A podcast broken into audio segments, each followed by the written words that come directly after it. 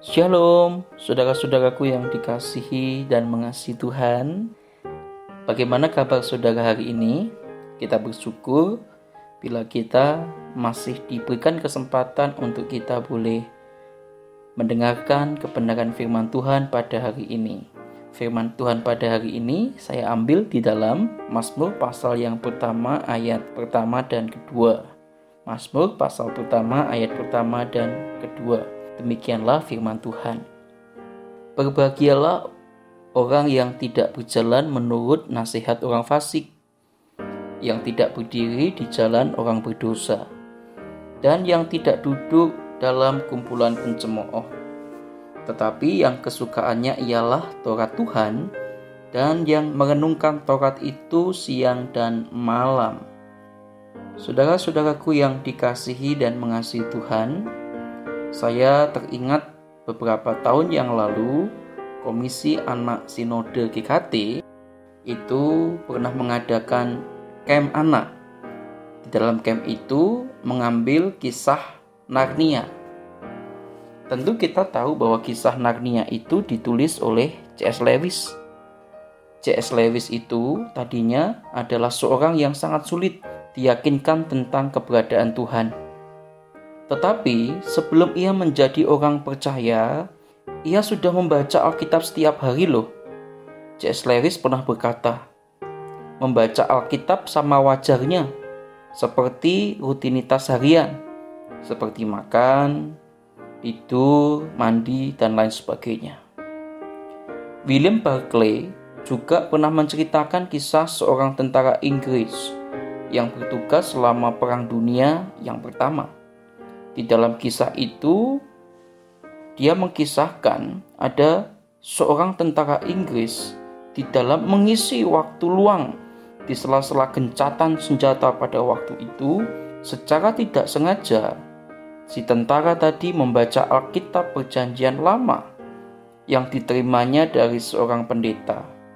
Ia mulai membaca kitab Esther secara acak, bahkan secara tidak sadar pula ia terpikat dan akhirnya membaca seluruh isi Alkitab dan menerima Yesus sebagai Tuhan dan Juru Selamatnya.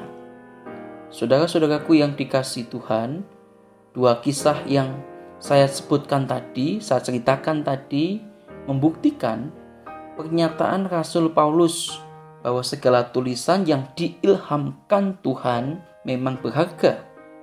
Alkitab memberi manusia itu hikmat, dan menuntun kita kepada keselamatan. Sesekali kita pernah merasa ada beberapa bagian dari Alkitab itu tampaknya membosankan, tidak menarik, dan tidak memiliki nilai rohani yang berdampak langsung bagi kehidupan kita. Namun, ini dapat diatasi dengan cara tetap konsisten membacanya kita perlu bantuan Roh Kudus agar Ia berbicara melalui hati kita dan mengubah pemahaman kita terhadap apa yang kita baca. Saudara-saudaraku yang dikasih dan mengasihi Tuhan, percayalah bahwa saat kita membaca Alkitab, seluruh isi Alkitab, mulai dari kejadian hingga wahyu, pasti diilhamkan sendiri oleh Allah dan pasti juga bermanfaat bagi kehidupan kita. Nah, maka dari itu saudaraku yang dikasih Tuhan, di tengah kesulitan akibat pandemi saat ini, saya mengundang setiap kita untuk senantiasa dekat dengan Tuhan lewat pembacaan firman setiap hari yang engkau bisa lakukan kapan pun waktunya. Saudara, marilah kita ambil waktu kira-kira 10-15 menit sehari untuk membaca kebenaran firman Tuhan. Bila engkau kesulitan membaca, engkau bisa mendengarkan Alkitab suara. Itu sangat membantu kita.